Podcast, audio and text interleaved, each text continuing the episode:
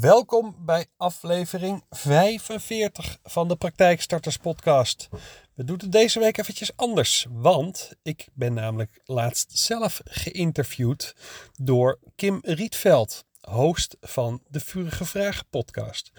En in deze podcast, in het interview, heeft ze mij uh, vijf vragen gesteld over ondernemerschap. Zo uh, bijvoorbeeld, wat zou ik anders doen nu ik weet wat ik nu weet?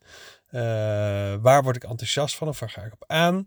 Ben ik een ochtend- of een avondmens? Waar ben ik het meest trots op? Nou, dat soort vragen. Nou, ik heb Kim gevraagd of, uh, of ze het interview ook met mij wilde delen, zodat ik hem ook op mijn eigen um, platform kan zetten. Nou, en dat heb ik gedaan. Dus bij deze, uh, het is een interview tussen Kim Rietveld en mij. Mocht je uh, Kim Rietveld zoeken, dan vind je haar op Instagram uh, onder Adfire Coaching. want ze is namelijk business coach. En haar podcast heet De Vurige Vragen Podcast. Daar komt ie. En tot de volgende keer. Hallo, hallo, hallo. Superleuk dat jullie weer luisteren naar een nieuwe Vurige Vragen podcast. Ik heb vandaag een gast tegenover mij zitten. En eigenlijk, het is een gast die ik nog niet eerder in de studio heb gehad. Of, um, ja, hoe zeg je dat? Het is gewoon echt compleet iemand nieuws. Het is namelijk een man. Nou, ik vind het superleuk, Remco, dat jij hier tegenover mij zit. En ik zou jou willen vragen om jezelf voor te stellen. Nou, allereerst ben ik natuurlijk super vereerd dat ik als allereerste man in jouw podcast mag zijn. Ik ben ook fan van jouw podcast. Ik heb ze bijna inmiddels allemaal geluisterd. Uh, mijn naam is Remco van der Ploeg. Uh, wat doe ik? Ik ben ondernemer. Ik begeleid mondhygiënisten bij de start of overname van een, uh, hun eerste eigen praktijk. En die begeleiding is met name door ze het vertrouwen en zelfvertrouwen te geven om dat te gaan doen. en ze de kennis te geven om, om te gaan doen, zodat ze met zo min mogelijk omwegen en hobbels die praktijk nu eindelijk gaan starten. Nou, en dat is mijn, mijn dagelijkse ding.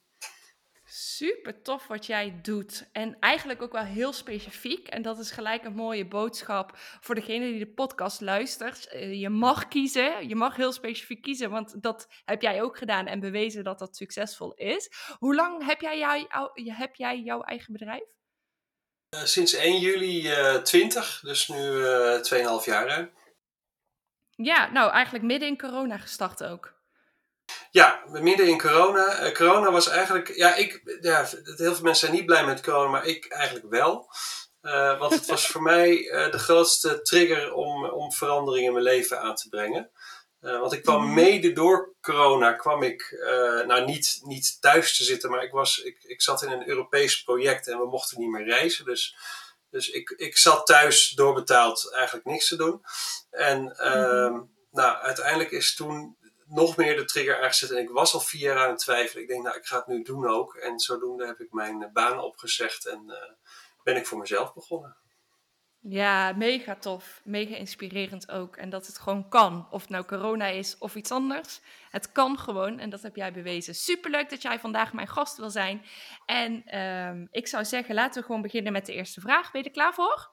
Zeker, kom op. Oké, okay, de helm staat weer naast mij en ik haal er een nieuwe vraag uit. Eens even kijken.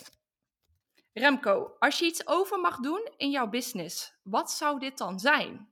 Ja, nou, laat ik het zo zeggen. Als je start met ondernemen, en ik, ik ben nogal eigenwijs, en zeker in het begin, dus ik dacht in het begin ook, ik ga alles zelf doen. Dus ik heb een website gemaakt, en ik heb teksten gemaakt, en die teksten weer herschreven. En ik had in het begin, had ik... Uh, Weet je, als je net voor jezelf begint, heb je een enorme mm. waslijst met dingen waarvan je denkt van, oh, hier zit de hele wereld op te wachten. Uh, ja. Althans, dat, dat, dat denk je zelf, dat het zo is. En ja, eigenlijk heb je er nog niet enorm veel onderzoek naar gedaan. Um, en in het begin deed ik inderdaad en praktijkmanagement en dit en dat, maar ook voor tandartsen en voor die en die. Dus alles. Dus ik had, als ik het nu allemaal over zou mogen doen, zou ik veel eerder um, ja, dat is in jouw straatje, toch een business coach inhuren. Um, die je gewoon helpt om sneller en efficiënter um, erachter te komen wat je nu eigenlijk het allerleukste vindt om te doen. Op het moment dat je die keuze maakt, dan um, ga, je, ga je een veel leuker leven krijgen. Wauw, ik uh, denk dat ik in de monteerfase jouw zin eens even op ga schrijven en kan gaan gebruiken in mijn eigen marketing. Want beter dan dit krijg ik het ook niet verwoord. Maar je hebt gelijk, door hulp te zoeken van, van buitenaf, of er nou een business coach is, of iemand anders, een tekstschrijver, een weet ik voor wie je allemaal in kan huren. Uh, daardoor kun je wel versnellen in jouw eigen opstarttraject of in jouw eigen fase in je bedrijf waar je op dat moment zit. Ja, ja het, is echt, het is echt vallen en opstaan geweest. Uh, Het is best wel eenzaam in het begin. Uh, ik kom niet uit een ondernemersfamilie, dus ik heb ook geen ondernemers om mij heen uh, die mij mm. konden adviseren. Ik had met name mensen om mij heen die in loondienst zitten. En je begrijpt, als je, tenminste als je daarmee praat, dan merk je dat ze eigenlijk niet zo goed begrijpen wat je, wat je nou bedoelt. Weet je, ze snappen je problemen. Je problemen, nou ja, problemen valt ook weer mee, maar uh, ze, ze, ze snappen niet dat je zegt van, oh ja, ik ga uh, specifiek die richting op. Want het eerste wat ze zeggen, ja, maar dan laat je de rest van de markt links liggen. Nee, dat moet je niet doen. En ja, in het begin van je ondernemerschap ben je nog een beetje onzeker. Dus dan ben je enorm vatbaar om daar ook uh, naar te luisteren of in te gaan. En, en achteraf denk je, denk, verdorie, ik had gewoon bij mijn eigen plan moeten blijven. En gewoon door moeten zetten. Dus ik heb inmiddels wel geleerd dat op het moment dat het, dat het oncomfortabel begint te voelen, nou dat is het moment dat je gewoon door moet pakken. Want het is best ja. de trigger dat je, dat, je op de goede, dat je op de goede weg bent. Maar daar, had ik wel 2,5 jaar voor nodig voordat ik daar achter kwam, zeg maar. Nou ja, beter laat dan nooit. En je bent er wel zelf achter gekomen door de ervaringen die je hebt gehad. Daardoor ontdek je wel dat je mag groeien en kan groeien. En dat op de manier die dan weer bij jou past. Uh, en de, de invloeden van buitenaf zijn altijd extreem, hè? Uh, zeker als ze zelf geen ondernemer zijn, dan is het altijd: moet je dat wel doen? Weet je het wel zeker? Ga je toch niet beter in loondienst, want daarin heb je stabiliteit en allemaal dat soort dingen. Maar dat is logisch, want zij weten niet beter. Maar wanneer je je omringt met ondernemers en uh, ik weet niet hoe dat voor jou als man is hoor. En, maar ik merk heel erg dat we als vrouwen heb je verschillende eilandjes met allemaal ondernemers. En elk eiland heeft een eigen ondernemersgroepje. En daarin probeer ik mezelf een beetje te mengen. Maar wij creëren gewoon echt een hele eigen wereld op die manier. En sinds dat ik die wereld ontdekt heb en allemaal vrouwelijke ondernemers om mij heen heb, uh, weet ik ineens veel beter wat ik wil. En dat kiezen juist goed is. En al die, die bezwaren die in je hoofd had met ja, moet je dat maar wel doen, uh, die zijn daarmee een beetje afgezwakt of zelfs verdwenen. Ja, maar als jij want terugkijkt, want, want hoe lang ben jij nu bezig? Voor jezelf? Uh, ja, tweeënhalf jaar ongeveer. Ja, dat is hetzelfde ongeveer. Ja. ja, ja. Wat zou jij anders doen nu? Uh, snappen dat vallen helemaal niet erg is. Ik heb uh, zeker in het eerste jaar van het ondernemen, heb ik ook nog eens corona gekregen en dat werd long covid. Wat dus betekende dat ik heel weinig energie had. Uh, ik deed dingen die eigenlijk niet relevant waren. Dus ik was vooral bezig met uh, de veilige keuzes als uh, zal ik een website knutselen of zal ik aan de slag gaan met mijn eigen branding? En allemaal dat soort dingen in plaats van met acquisitie. Dus ik was heel erg bezig aan de veilige kant in plaats van uh, daadwerkelijk mensen benaderen om te kijken waar ze tegenaan liepen. En daarin was ik zelfs heel veilig bezig door te kiezen voor iets waarvan ik dacht dat moet ik eerst doen voordat ik datgene kan doen wat ik nu doe. Dus ik ging eerst loopbaancoaching doen, want daar had ik ervaring mee in loondienst. Uh, maar ik wist al, vroeg of laat, als ik later groot ben, dan ga ik business coaching doen. Totdat dus iemand tegen mij zei: Waarom ga je daarmee wachten als je weet dat je daar naartoe wil groeien? Waarom ga je het niet nu doen? Dus al die negativiteit en, en de energie die ik toen had, uh, zou ik dus op een hele andere manier insteken dan dat ik nu heb gedaan. Ik heb eigenlijk een jaar lang aangekloot zonder daadwerkelijk effect gehad te hebben. Ja, natuurlijk, je leert wel en je ontwikkelt wel. En daar ben je wel mee bezig. Maar ik had veel liever, veel sneller, betere keuzes willen maken.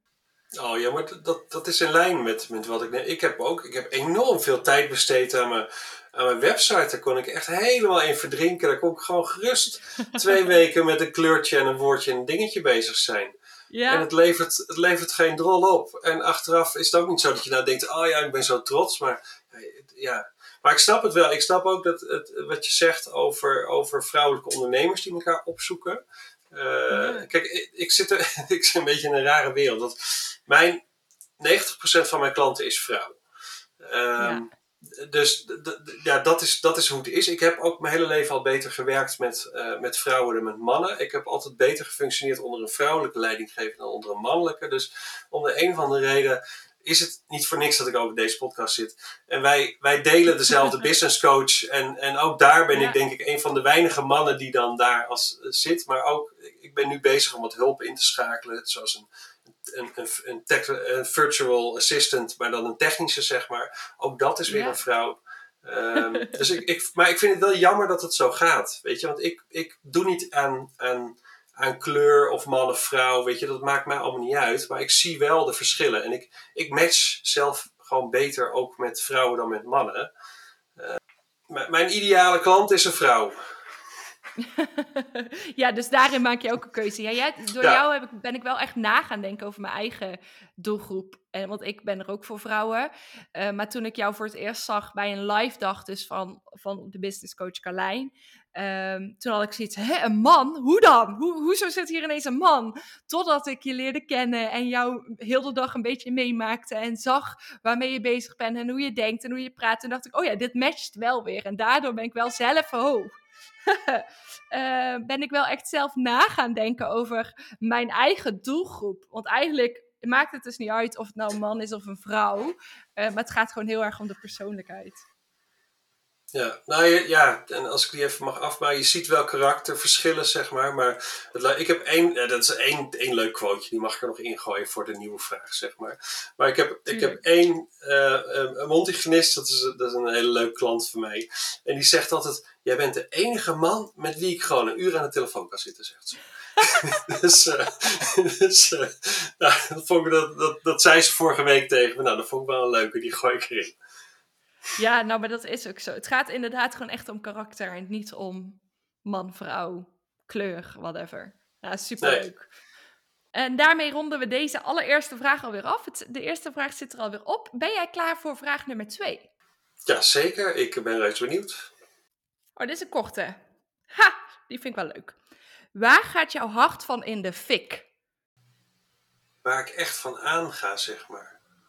Ja. Ehm ik ga, ik ga echt aan van mensen die volledig uh, doen waar ze in geloven en ervoor gaan. Zeg maar. Dus ik, ik kan enorm enthousiast worden van mensen die zo gepassioneerd uh, over hun, hun vak of wat dan ook praten. En het maakt er niet uit of je dan, uh, weet ik veel, traprenovaties doet of dat je helemaal blij wordt als bioloog, zeg maar. Op het moment dat mensen echt een passie hebben gevonden en daar uh, over kunnen praten, uh, mm-hmm. daar, daar word ik altijd automatisch enthousiast van, ongeacht het onderwerp. Kijk, en het is wel fijn als ik natuurlijk er iets van af weet. En uh, dus ik heb, ik, dat zie je ook wel, dat zie ik ook bij mijn eigen klanten, zeg maar. Je ziet de een, die, die, die, die heeft zich eigenlijk jarenlang, ja, nou ja, laten onderdrukken is een beetje een groot woord, maar in ieder geval jarenlang in, binnen de kaders van een ander gewerkt. En die heeft mm-hmm. dan eindelijk, um, heb ik ze dan het, het, vaak het vertrouwen gegeven dat ze het echt gewoon ook alleen kunnen. Dat ze die, die, die eigen winkel kunnen gaan starten, die eigen praktijk kunnen gaan starten. En dan merk je gewoon dat op het besluit nemen, dan, dan gebeurt er iets in ze. En dat vind ik echt, daar ga ik zelf ook heel erg van aan. Dus als ik iets mag noemen, dan is dat het. Ja, ik herken dat ook heel erg. En dan maakt het inderdaad niet uit wat ze doen. Maar wanneer zij met passie vertellen over iets wat zij fantastisch vinden, dan vind ik het automatisch bijna altijd ook heel interessant. Dat was mijn probleem ook wel in het begin. Of begin, een paar jaar geleden vond ik alles interessant. Want dan ging ik mensen allemaal vragen: wat doe je voor werk en uh, waarom en wat vind je er leuk aan? En bij elk beroep of bij iedereen die ik sprak, dacht ik: oeh, dat zou ik ook wel kunnen. Of dat zou ik ook wel willen doen. En dat heeft me heel lang afgeleid. Maar uiteindelijk was dat ook het antwoord voor mij. Want juist doordat ik iedereen heel leuk vond en ik kreeg allemaal weer ideeën hoe ik dat ook kon doen, dacht ik, ja, dan is business coach fantastisch. Want ik mag met jou meedenken, ongeacht datgene wat jij doet. Maar ik kan wel meedenken, creatief zijn, uh, nieuwe dingen bedenken en daar dan mijn enthousiasme in uitstralen. Dus uiteindelijk is het ook wel weer op mijn pad gekomen op die manier. Ja, en het, het leuke denk ik wel, dat als business coach zie je ook mensen die, die, die zich bezighouden met verschillende dingen, zeg maar. Dus ik Mhm. denk dat je daar zelf ook weer veel van leert. Ook, eh, dat, dat je dat ook weer kan gebruiken. Kijk, ik zit Absoluut. natuurlijk heel erg in, in, een, in een niche. Hè? Ik zit natuurlijk in de mondzorg. Ehm, maar dan nog, ja, ik, ik, ik, kan het gewoon, ik word er zo gelukkig van als iemand gewoon echt zijn dro- Nu, vandaag even zat, ik ga vandaag mijn droom volgen. En, en kom, we gaan er samen voor, zeg maar. Daar, daar, ga, ik, ja, daar ga ik echt op aan. Ja, mega tof. Ik heb daar eh, met bijvoorbeeld mijn workshop, die ik nu momenteel aan het organiseren ben, een gratis workshop. Eh, je ziet om je heen mensen die eh, webinars of masterclasses organiseren, maar die zijn alleen maar aan het zenden. En toen dacht ik bij mezelf, dat is hartstikke leuk, maar ik ben gewoon niet van zenden. Ik ben van interactie. En zo is dus mijn gratis workshop ontstaan, omdat ik dus input van jou krijg, van de deelnemers die meedoen. Daar krijg ik input van. En daar ga ik gewoon van letterlijk van in de fik. Daar word ik zo enthousiast van. Want jij hebt een uitdaging of een idee of een probleem of wat dan ook. En daar kan ik over meedenken. En dat dan één op één. Ja, bij een workshop is het natuurlijk niet één op één, maar een groep en ik. Uh, maar daar, daar ga ik echt van in de fik. En daarom dat mijn workshop ook heet: uh, De vijf stappen om je business in de fik te zetten. Uh, maar dat, ja, dat, dat vind ik zo fantastisch als ik gewoon interactief of intensief of actief of hoe, welk woord je ook maar wil gebruiken, uh, daar word ik heel enthousiast en blij van. Ja, maar die vijf, ja, sowieso gaat natuurlijk bij jou alles in de fik. Oh nee, ja, blust. Het gaat, niet, het gaat misschien eerst wel in de fik, maar je blust wel, zeg maar, daarna. Ja. En, uh, maar, maar je zegt vijf stappen om, uh, om je business in de fik te zetten. Maar die vijf stappen heb je dan wel gedefinieerd, zeg maar. Ja, zeker. Ja, dus in de workshop gaan we gewoon die vijf stappen doorlopen. En eerst terug naar de basis. Want ik zie heel vaak dat mensen uh, een ander willen nadoen. Want wat voor jou succesvol is, hoeft niet te betekenen dat er voor mij succesvol is. Maar als ik het ga kopiëren, dan, dan werkt het sowieso niet. Dus de eerste stap is echt terug naar de basis en leer ondernemen op je eigen voorwaarden. Dus wie ben je zelf en hoe wil je dat uitstralen? Ik zelf uh, was eerst business coach, een van de vele.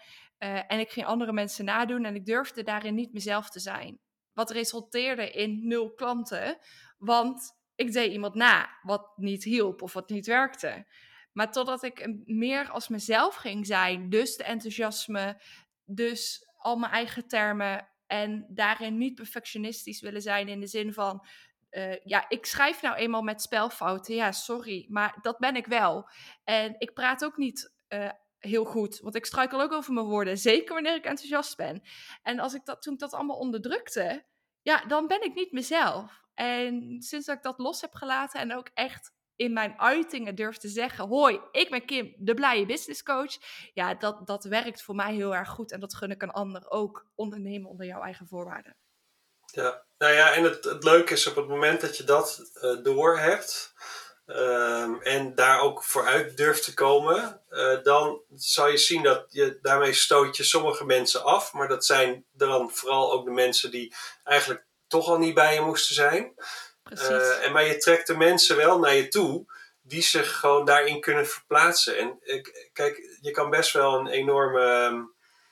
Um, kijk, mensen vinden denk, het ook best spannend om zich bloot te geven aan een business coach. Want je, je wordt natuurlijk best wel. Je, ja, je krijgt een schop onder je kont, je wordt geconfronteerd, je wordt een spiegel voor gehouden. En dat is niet altijd even leuk. Maar een business coach is natuurlijk ook maar gewoon een mens. Um, ja. En het leuke is dat jij, vind ik van jou, dat jij enorm het menselijke laat zien ook van jezelf. Um, en, en, en, en dat maakt, denk ik, dat je, dat je juist nu dan de, de, ook de, de, de leukste klanten naar je toe trekt, zeg maar. Dat je veel minder uh, mensen op je pad krijgt waarvan je een beetje twijfelt van, ja, moet ik nou hier wel mm -hmm. of niet iets mee?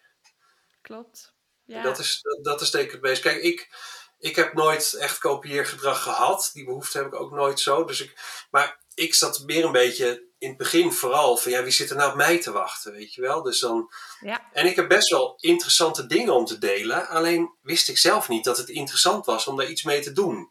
Want ik denk, ja, wie ja. vindt dat nou interessant? En het grappige is, sinds ik hele eenvoudige dingen ben gaan delen, en ik ben zelf ook een podcast gestart en dat soort dingen allemaal, merk ik dat mensen het eigenlijk allemaal heel, heel leuk vinden wat ik doe. Dus ik hoef ook niks te kopiëren. Ik moet gewoon vooral mezelf uh, blijven en zijn. Uh, en ook inderdaad met mijn eigen gebreken en mijn foutjes en mijn dingetjes. Um, nou ja, en, en dat is waar, waar mensen voorbij me komen. Mooi hè, precies op de, op, op de gong ook. Ja, Had ik mijn single klaar. precies op tijd. nee, maar het is ook zo. Maar voor jou is jouw werk zo normaal. Jij bent, bent elke dag bezig met, met jouw bedrijf. Dus met die informatie. Voor jou is dat gewoon als vanzelfsprekend. Maar voor iemand die dat niet als vanzelfsprekend ervaart, is het mega interessant wat jij te vertellen hebt. Zeg je dat goed zo? Ja, wat jij wil vertellen, Ja. dat vinden zij heel interessant. Dus hoe tof is dat dat jij dat kan geven? En die mensen zitten duizend procent zeker op jou te wachten. Als ik mondhygiëniste zou zijn en ik zou mijn eigen praktijk willen starten, dan zou ik jou met duizend procent willen hebben. Gewoon juist om hoe jij bent en wat jouw uitstraling is. En hoe jij als persoon iemand ook weer aanmoedigt en stimuleert om ervoor te gaan. Ja, nou ja, dat zie ik nu ook steeds meer gebeuren. Juist omdat ik die keuze heb gemaakt. Eh, door te zeggen, en dat heb ik, die keuze heb ik vorig, heb ik, dat besluit heb ik vorig jaar genomen. Door te zeggen, joh, ik, ik begeleid alleen nog maar mondhygiënisten. Eh, zie je Mhm. dat, dat, dat mondhygiënisten ook automatisch naar mij toetrekken. Omdat ik ja, min of meer de expert ben op dat gebied. En er zaten nog niet Ja. zoveel mensen die, die zo specifiek... Maar ik heb ook nog steeds standaardsen die mij benaderen. Eh, en die zeggen, ja, ik weet wel dat je alleen... op Ik had laatst een vrouw en die zegt, ja, ik weet wel dat je alleen een mondhygiënist richt. En, eh, maar ik ben geen maar een tandarts. Maar ik heb gehoord hoe je werkt en dat spreekt me zo aan. Ik wil bij jou, zegt ze. Nou, dus ik, zei, dus ik zei al tegen haar, ik zeg, nou ja, daarmee ben je natuurlijk al, al met één been binnen, zei ik al. Dus, eh, Ja, maar zo werkt het. Oh, dit is wel Ja. echt een hele mooie les. ja, nou ja, super compliment. Kijk, daar doe ik het voor. Ja, ja, echt. Ja, heel inspirerend. Ja, super mooi om dit ook als afsluiting te gebruiken en door te gaan naar de volgende vraag als je er klaar voor bent. Ja, ik ben helemaal weer, eh, ik ben reuze benieuwd. Het zijn echt leuke vragen. Ik heb er zin in. Eh, ik haal er weer zo'n mooie vraag uit, hoop ik althans. Er zitten alleen maar mooie vragen in. Soms confronterend. Maar deze is heel mooi. Oh. Waar ben je het meeste trots op en waarom? Het meeste trots ehm, is ja, toch wel dat ik het, het eh, lef heb gehad om ehm, voor mezelf te kiezen. Wauw. Ja, Ik denk dat dat, eh, dat, dat dat boven alles uitspringt. Ik heb altijd. eh, kijk, ik ben iemand die zich ongeveer zijn hele leven al in dienst van een ander stelt, zeg maar. Dus ik, hè, het- dat Mhm. begon al toen ik heel jong was met stoelen op de tafel zetten, juf helpen, klas vegen en dat soort zaken. Dus ik, ik ben een helper. En dat is, dat, is, dat is een beetje de rode draad in mijn leven. Ehm, maar dat, eh, dat is gelijk ook mijn valkuil. Ehm, en nu gelukkig niet meer, want eh, ik leer steeds, nog steeds bij. Ik ben inmiddels eh, 46, maar ik leer nog elke dag gelukkig. Ehm, maar ik heb wel, op een gegeven moment leer je in je leven ook wel keuzes maken. Van ja, weet je, je hoeft niet iedereen te helpen, want sommigen maken gebruik van je en sommigen niet. Nou, ik heb jarenlang in loondienst natuurlijk gewerkt, tot aan mijn 43ste. Ehm, en altijd getwijfeld, maar ik voelde me ook heel verantwoordelijk, want ik denk, ja, ik moet mijn gezin eh, onderhouden, moet het huis betalen en wat nou als ik ziek word. Nou ja, eh, weet je, je kan altijd 36.000 redenen bedenken om iets niet te doen. Eh, totdat je besluit om het wel te doen en dan, dan duw je je bootje af en dan ga je. Eh, en dat is zeker in het begin vet eng. Ehm, Mm, snap ik. maar, je, maar het grappige is dat als je eenmaal je bootje hebt afgeduwd dan, en je hebt ontslag genomen, dan ontdek je pas dat, dat gewoon de hele wereld open ligt. Mm, en als ik-. Als ik morgen besluit dat ik postbezorger wil worden eh, op freelance basis, dan ga ik dat doen. Niet dat ik die ambitie heb, maar dat geeft wel aan dat het. Dat het en dat, dat, gevoel, die, dat gevoel van vrijheid heb ik in loondienst heb ik dat nooit ervaren op die manier. Want je bent natuurlijk altijd binnen de kaders van een ander ben je aan het, aan het, Ja. aan het opereren. Ehm, Ja. Dus ik ben echt wel het meest trots op dat ik het lef heb gehad om ontslag te nemen. Zo mooi. Ik wil ook echt op alles reageren en ik ga kijken of ik het allemaal nog onthouden heb. Maar eerst over die kaders. Ehm, ik heb eh, jarenlang bij Tempo Team gewerkt. eh, dat is Randstadgroep. En eh, op een gegeven moment was de quote binnen de kaders, zeg maar, je krijgt een paar kaders en daarbinnen mag je alles doen. Maar het zijn wel alsnog kaders waar je tussen moet blijven. En nu ik voor mezelf ben gestart al een paar jaar geleden en dat nu ervaar, dat je ook buiten de kaders of buiten de lijnen mag kleuren, is dat alleen maar mooier. Ja, je valt wel een keer op je plaat, maar wat maakt dat uit? Je staat gewoon weer op, je leert je lessen en je gaat weer door. Ehm, maar bij Tempo Team, ik heb echt voordat ik met jou de podcast ging opnemen, sprak ik iemand en haar uh, baas die belde vandaag, want zij werkt deels nog in loondienst, uh, dat haar contract niet verlengd is. Dat heeft hij gewoon via de telefoon verteld. En dat kwam rauw op haar dak. En ik zei tegen haar, en dat is ook de boodschap die ik hier wil delen, um, ik heb hetzelfde meegemaakt. Want bij Tempo Team zou ik een vast contract krijgen, maar in de week dat dat doorgegeven moest worden, brak corona uit. De lockdown in Brabant begon als eerste. En toen was het, ja, geen vast contract, want we weten niet wat we ermee kunnen doen. Dus je contract uh, wordt uh, nu beëindigd. Nou, en ik heb echt als een kleuter met stampvoetend op de grond gestaan van... Wat is dit nou? Jullie kunnen mij dit niet maken. En ik was boos en gefrustreerd en verdrietig en eigenlijk alle emoties bij elkaar. Toen heb ik een half jaar lang de tijd en de rust genomen om te gaan nadenken wat ik wilde. Ik heb diverse uh, vacatures bekeken en op gesolliciteerd. En op een gegeven moment dacht ik, maar wat nou als ik voor mezelf ga beginnen? En zo is dat balletje gaan rollen en gaan rollen en gaan rollen. En als ik op dat moment wel mijn vast contract had gehad, had ik hier niet gezeten. Dan had ik mijn eigen bedrijf niet gehad. De wens was er, die was er al veel langer. Maar wanneer je vast eh, op een plek zit, de, de organisatie was zo groot, kon alle kanten op. Dus de mogelijkheden waren oneindig daar. En daarom had ik nooit voor mezelf gestart. Dus ik ben heel blij dat mijn contract niet over werd gezet in een vast contract. En dat ik vandaag de dag hier zit en mijn eigen podcast aan het opnemen ben. Onder andere. Onder andere. ja, dus je hebt Tempo Team bloemen gestuurd. Van, uh, ik was toch wel een beetje boos in het begin, maar al met al was het de beste beslissing ooit. ja, ja, je zou het eigenlijk bijna doen, ja. Maar nee, er zit nog uh, onderhuidse woede, denk ik. Maar uh, nee. Nee, maar het is, het is simpel gezegd wel zo. En um, nou, dit, dit verhaal schreef ik dus vandaag naar diegene die ik in de DM op Instagram sprak. Ik zeg, ja, het is een beetje een dooddoener, maar echt aan het einde van de tunnel is licht. En zij zei van, nou, ik ben heel blij dat je dit met mij deelt, want um, dan is dit gewoon een teken dat ik volledig voor mezelf moet gaan beginnen.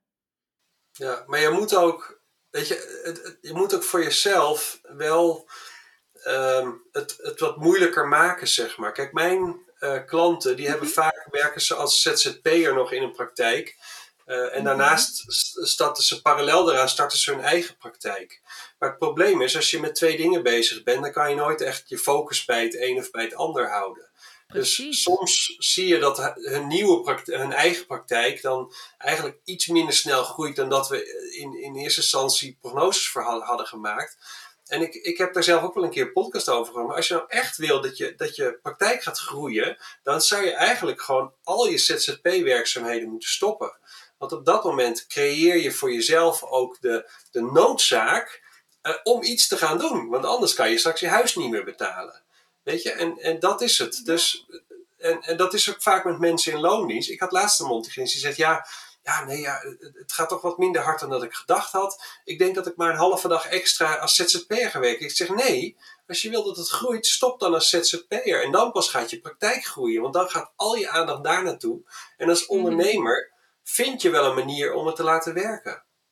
Desnoods ga je, ik, desnoods ga je, ga je, weet ik veel, het hele dorp flyer in je eentje. Nou zijn flyers niet heel fantastisch, maar voor monsterpraktijken werkt het op zich nog wel redelijk. Um, maar weet je, je vindt wel een manier om dan naar klanten te komen. Ja, want je wordt dan ook ineens creatief, want je moet. Want als je het niet doet, heb je geen inkomsten, kun je je huis niet betalen. En dat stukje focus, dat klopt ook. Mensen die half in loondienst, half in een eigen bedrijf zitten. Uh, je bent moe van je loondienstbaan, dus geen zin meer om aan je eigen bedrijf te werken. Terwijl dat juist je droom is en dat het belangrijkste is. Nu moet ik wel zeggen dat ik zelf ook deels in loondienst zit als je dat zo mag noemen, als vrijwillige brandweervrouw, krijg ik gewoon betaald. Heb ik gewoon een contract. Zijn er ook verplichtingen waar ik me aan moet houden. Uh, maar op het moment dat ik daar met opleidingen bezig was. Ik heb een jaar lang natuurlijk de manschappenopleiding gedaan. Dat, nu mag ik dus officieel zeggen dat ik brandweervrouw ben. Daarna heb ik nog een vervolg. Oh, zo, ik schrik ervan. Uh, vervolgopleiding gedaan. Maar mijn energie moest ik voor grote delen verdelen. Ik ging op een gegeven moment als jeugdleider bij de jeugdbrandweer op een avond, één avond in de week doen. Maar ineens moest ik nog meer mijn aandacht verdelen. En daar ben ik mee gestopt, omdat ik zoiets had van: oké, ik wil echt mijn focus op mijn eigen bedrijf houden. En op het klein stukje brandweer wat ik al deed. Dat krijg ik goed gecombineerd. En dat is goed voor mij. Ja, maar ik heb wel bij jou het idee, en, en niet dat wij elkaar nog zo goed kennen, maar ik heb wel goed naar je podcast geluisterd. Ehm, dat, je, dat, je, dat wat je nu bij de brandweer nog doet en wat je als business coach doet, dat dat beide elkaar versterkt. Dat het je alle twee enorm veel energie geeft.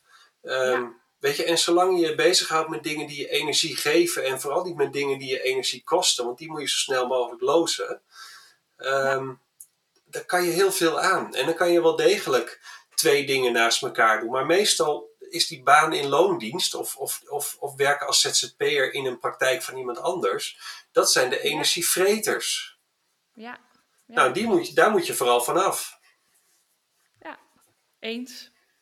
En dan bouw je echt wel je business op zoals jij hem zelf wil. Ja. Ja, ik, ja, nee, ik, ik, ga, ik zit weer klaar voor de volgende. nou, helemaal mooi. Fijn. Dan ga ik de volgende vraag uit de helm halen. Ja.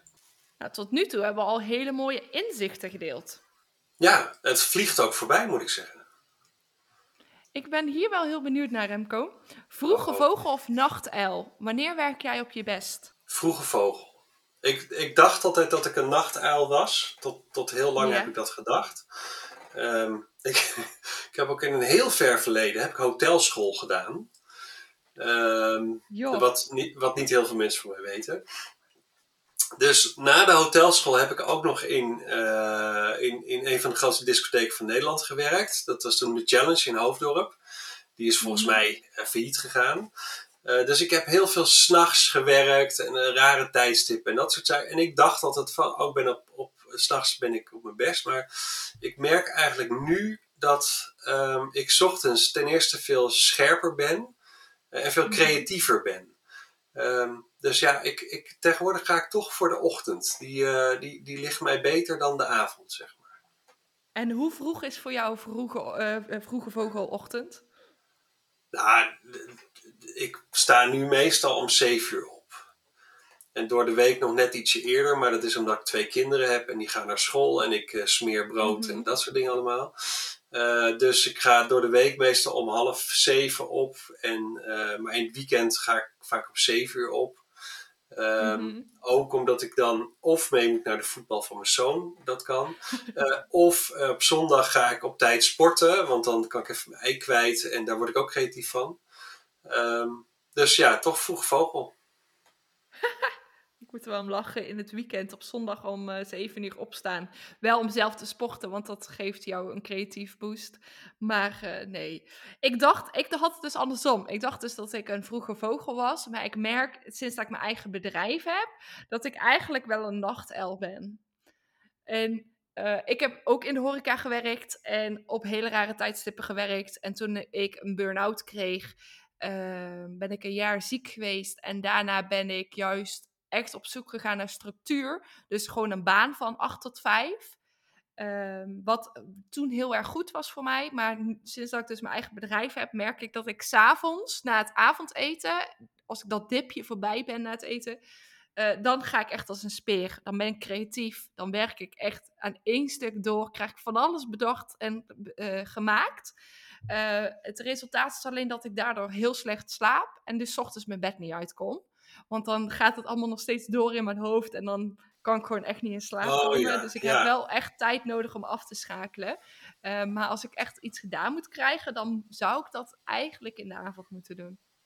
Nee, dat, dan is voor mij. De, maar ik zit daar, want ik denk daar nu ineens over na. Kijk, mijn klanten, die zijn over het algemeen ook allemaal tot een uur of vijf, half zes, soms zes uur aan het mhm. werk.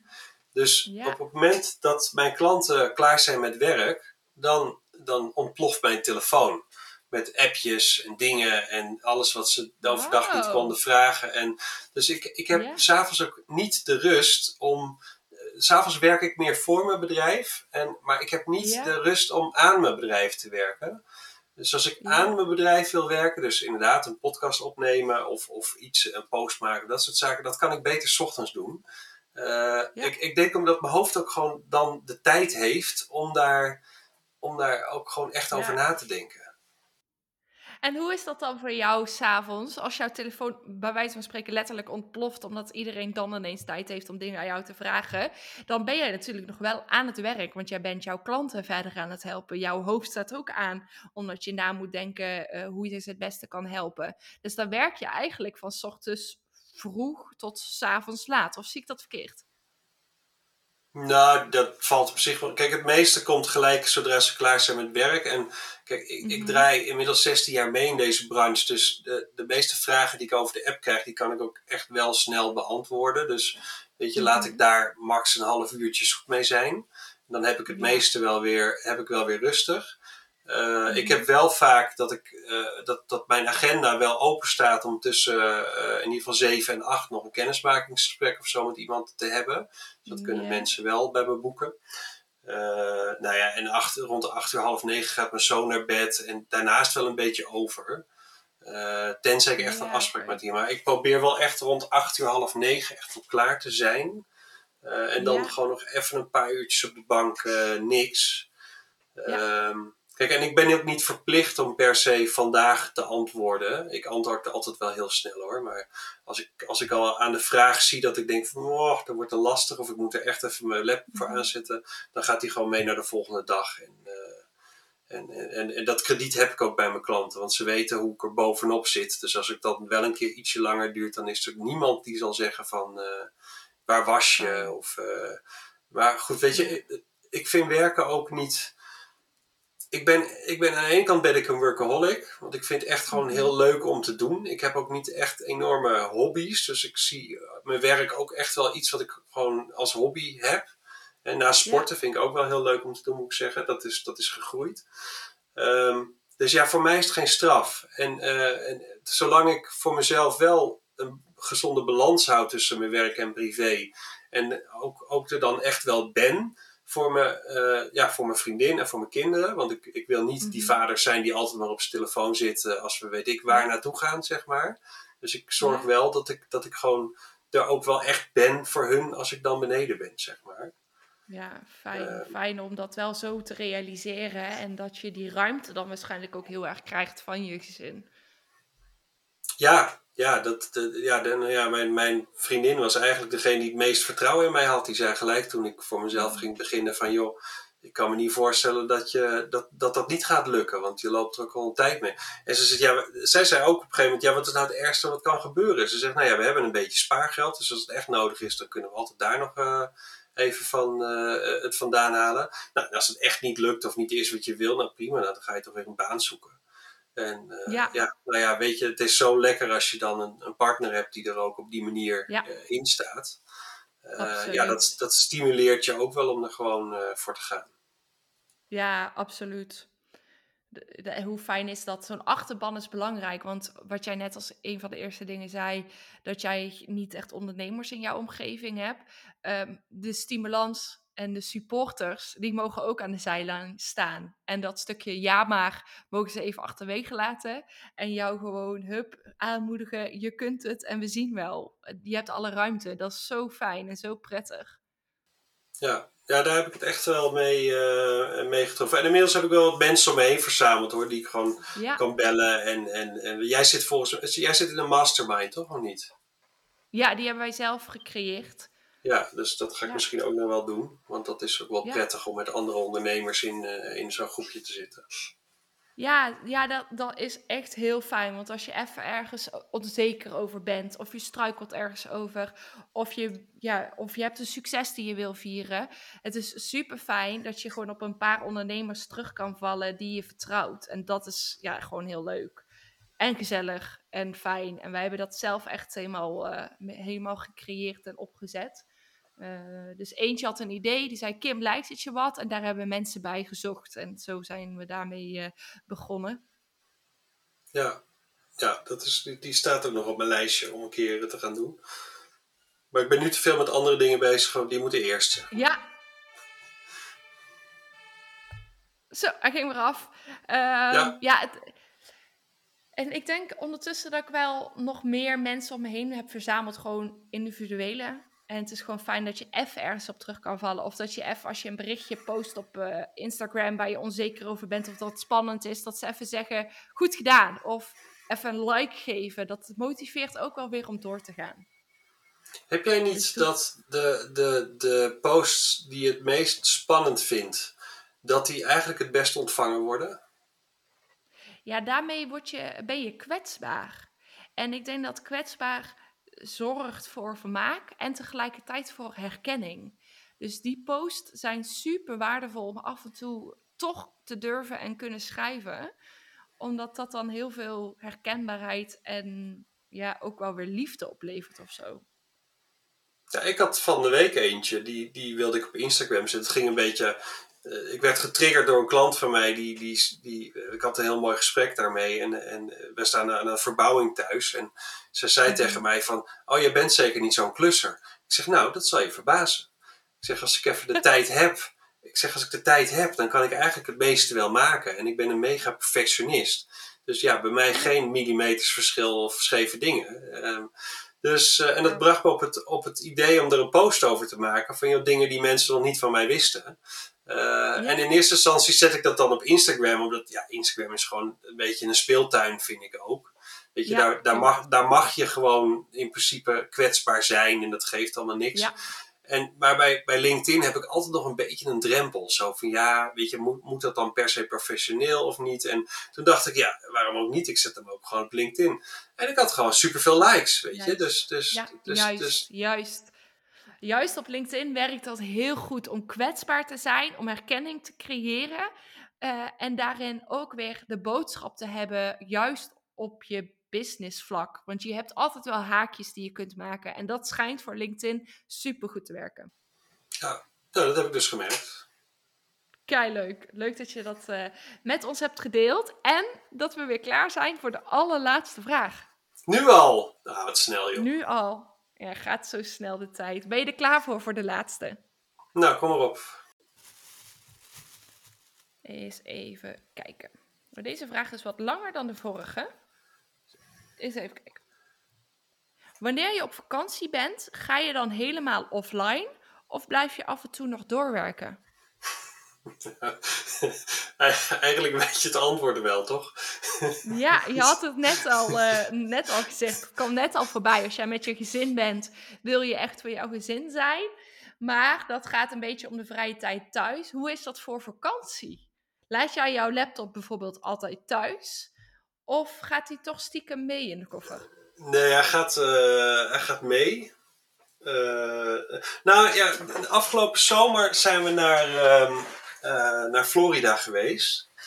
Oeh. Ja, dat was wel een reis, daar hadden we voor gespaard, dus dat was wel een ding, zeg maar. Dus ik had mhm. daar gewoon, ik had ik was al ver van tevoren mijn klanten gaan informeren. Joh, ik ga op vakantie, ik ga op vakantie, ik ga op vakantie. Uh, ik denk dat zij ze alvast voorbereid. Dus ik had daar mijn laptop niet meegenomen. Uh, alleen de laptop van mijn vriendin was wel mee, maar die was dan meer om eh, Netflix te kijken en dat soort dingen allemaal. En ik, ik doe mijn podcast niet van tevoren opnemen, dus die neem ik altijd in de week op dat ik ze ga posten. Um, Dus ik denk, nou, ik moet daar sowieso een podcast. Dan heb ik in ieder geval een laptop, kan ik mijn podcast mee live zetten. En toen was er toch, ondanks dat ik alles in goede baan had gestuurd, was er één klant en daar, daar gebeurde ineens iets en dat moest per. Kijk, ik was bezig met een praktijkovername. En ik had ook mhm. tegen de adviseur van de verkoper gezegd: Ik ga op vakantie, ik ga op vakantie, ik ga op vakantie op vrijdag. Toen kwam hij op donderdagmiddag kwam hij met het concept voorstel. Oh. Ik denk, wat, uh, eikel ook. Oh, en, uh, dus, ik wil, dus ik had even mijn klant uh, appje gestuurd van joh, ik pak het wel maandag op, want dan ben ik gezetteld, dan ben ik van mijn jetlag af en dan uh, red ik het wel. En toen zei ja. zij tegen mij van, je gaat het helemaal niet doen. Hè? Ze zegt, joh, die man die had de tijd zat, die wist dat je op vakantie ging. Nou, nu wachten zij maar, dus uh, je gaat er maar mee verder. Dus, dus ook mijn klanten nemen we soms in bescherming. dat is dan weer het, Heel het mooie. Maar ook op vakantie, weet je, uh, als we in Europa blijven, en dat is nou ja, natuurlijk gewoon meestal het geval. Uh, dan gaat de laptop over het algemeen wel mee, maar dat betekent niet dat ik enorme plannen zit uit te werken. Die zijn echt wel voor voor en na mijn vakantie, maar niet tijdens. Mm -hmm. maar mm -hmm. ik wil wel gewoon vragen kunnen beantwoorden. En meestal plan ik een, een half uurtje of een uurtje in de avond ergens op een tijdstip dat we of net hebben gegeten en aan de koffie zitten, mm -hmm. dat soort dingen. Dat het niet zo maar overdag. Um, mijn telefoon staat uit, uiteraard gewoon aan. En ik heb ook niet een zakelijk en een privé. Ik heb gewoon één telefoon. Ja. Maar ik voel niet de behoefte om overdag, als we iets aan het doen zijn, of we zijn in een of andere klimbos, om dan, uh, weet ik veel, op 25 meter hoogte appjes te gaan beantwoorden. dus die, die stromen gewoon binnen de hele dag. Ik zorg ervoor dat mijn klanten zijn geïnformeerd dat ik ook niet ben. Um, ja. En ik, ja, ik werk wel, maar wel uh, op, op, op, op, nou, nog niet eens halve kracht, nog minder dan dat, zeg maar. Ja. ja, je werkt wel op je eigen voorwaarden. Dat is natuurlijk ook het allerbelangrijkste daarin. Ja. En als jij iedereen goed geïnformeerd hebt, dan mag je ook vrij zijn. Want we weten ook, als we niet altijd een keer vrij nemen tussendoor, dat het, ondanks dat het voor jou voelt als een hobby, kan het alsnog uh, als een last zijn of als een druk zijn of als een, ja, je staat wel aan in je hoofd. En afschakelen en soms even vrije tijd nemen is alleen maar goed voor je. Ja, ja, dat, dat, dat heb ik ook echt wel geleerd. Maar dat heb ik ook al geleerd toen ik nog in loondienst was. Want kijk, jij mm -hmm. bent helaas uh, de, de, de, Je hebt een burn-out ervaren, zeg maar. Uh, ja. Nou, ik zat er heel dicht tegenaan. Tot twee keer toe. Um, mm. Dus ik herken in ieder geval de signalen waarop ik gewoon te ver ga. Ja. En, en nee, dat was dan ook één keer gebeurd. En uh, ik heb ook daadwerkelijk, uh, ben ik in het ziekenhuis terechtgekomen omdat ik uh, in de tuin was neergestort. Maar eigenlijk was het een soort waarschuwing van mijn lijf van, joh, doe even normaal. Want ik werkte echt ja. 60, 70 uur per week. Het was ook een groot Amerikaans bedrijf. Dus het was heel, de druk lag gewoon enorm hoog. En dus ik heb me gewoon een beetje laten gaan, laat ik het zo zeggen. Nou, en daarna ging het eigenlijk beter, omdat, ook omdat ik die signalen beter herkende, maar ik, het sloop er toch weer in. Dus ik, ik denk ook achteraf dat ik in, in 2020, toen ik ontslag heb genomen en voor mezelf ben begonnen, dat ik toen weer eigenlijk op een punt zat dat, dat ik niet heel lang nog op die manier voor had kunnen houden.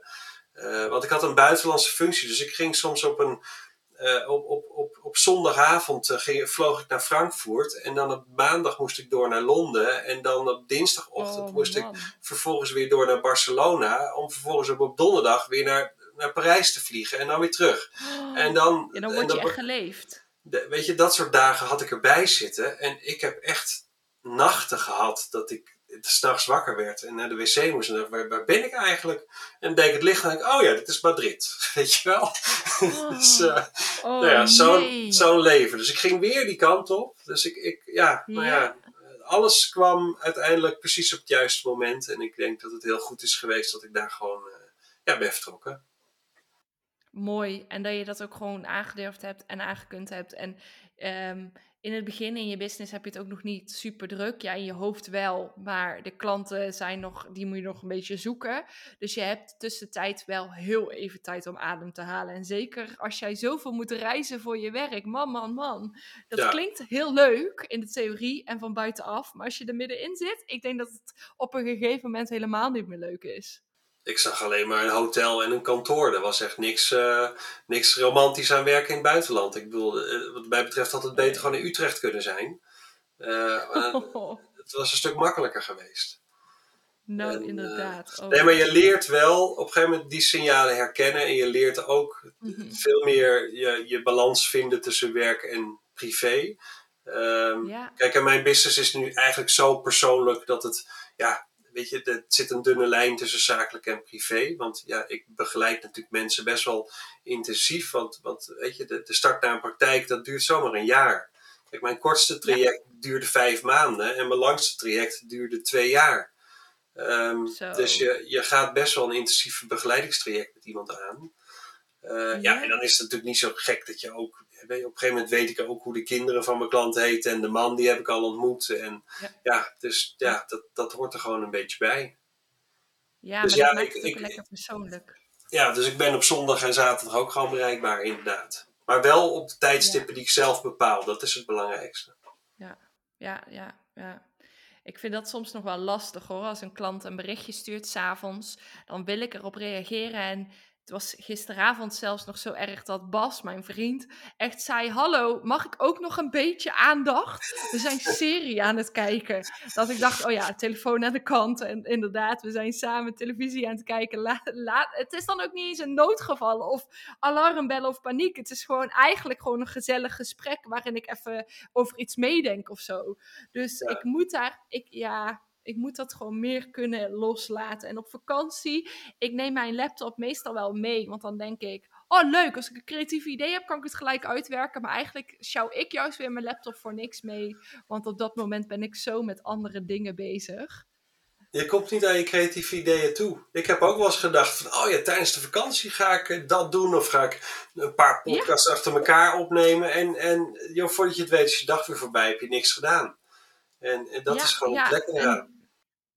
Ja, tegelijkertijd is dat ook fijn, want dan geniet je wel echt oprecht van vakantie. Vorig jaar waren wij op vakantie geweest en ging de beste vriend van Bas, mijn, mm, haha, uh, ging Bas zijn beste vriend mee. En toen dacht ik, oh mooi, dan gaan die mannen een keer vissen en dan ga ik wel lekker achter de laptop. Of als hun een man film aan het kijken zijn, ga ik wel achter de laptop. Maar op dat moment denk ik, ja, ik ga iets anders doen. Of iets wat totaal niet relevant is aan werk. En, en eigenlijk is dat ook prima en voor mij een groot bewijs. Vakantie is vakantie, vrije tijd is vrije tijd.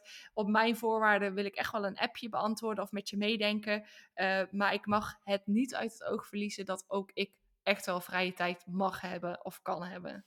Ja, zeker. En, en je denkt ook wel bij jezelf: van, ja, is het nou per se nodig dat ik dat nu doe? Of weet je, dat kan ook na mijn vakantie. Dat, ja, niemand merkt het als ik het vandaag niet doe.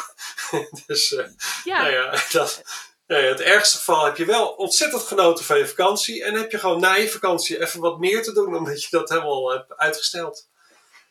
Ja, en dat is prima. Ja, dat is ook niet erg. Nee. Nou, mooi. Ik heb nu wel echt heel veel zin om op vakantie te gaan. ja, ja, ik ook. Ja, alleen voor dit jaar wordt het niet zo, niet zo heel spannend voor mij, want we zijn in verbouwing. Dus daar gaat het geld naartoe.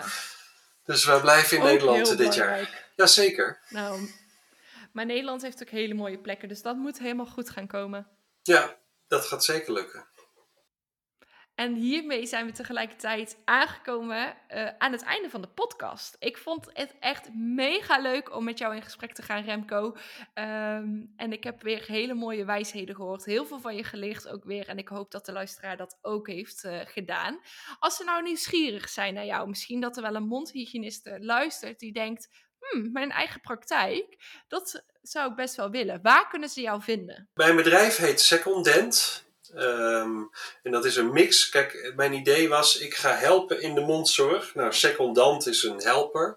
En mondzorg is dental, zeg maar, tandheelkunde. Dus ik heb secondent ervan gemaakt. Dat is dat mijn, mijn bedrijf, dus www.secondent.nl. Uh, op Instagram ben ik praktijkadvies bij Remco. Uh, en voor de rest Remco van de ploeg op LinkedIn. En uh, nou, dat zijn de kanalen. Oh ja, en uh, ja, mijn podcast natuurlijk. Want uh, die. ja, dat wilde ik zeggen. Die gaat met, mijn podcast heet De Praktijkstarters Podcast. En die is. Praktijkstarters Podcast. Die is, nou ja, op de bekende kanalen te vinden. En die wordt. nou ja, ik, ik krijg daar superleuk feedback. Maar ook van gewoon ondernemers. Want er zitten natuurlijk ook gewoon ondernemersdingen bij. Want ook een mondhygiënist die een praktijk start is gewoon een, een ondernemer uiteindelijk. Absoluut. Superleuk. Ja. Da dankjewel. Uh, dankjewel voor jouw tijd.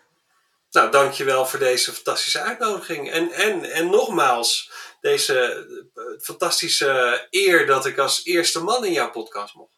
Ja, ik ga, ik ga eens nadenken om een concept te verbreden en op zoek te gaan naar meer mannen zoals jou. Want ik vond het wel echt heel leuk om jouw inzichten te horen. Dus wie weet ben je de trendsetter van de, van de Vurige Vragen podcast voor de man. nou, dat zou super zijn. Dankjewel voor het luisteren. Bedankt voor je tijd en tot de volgende podcast.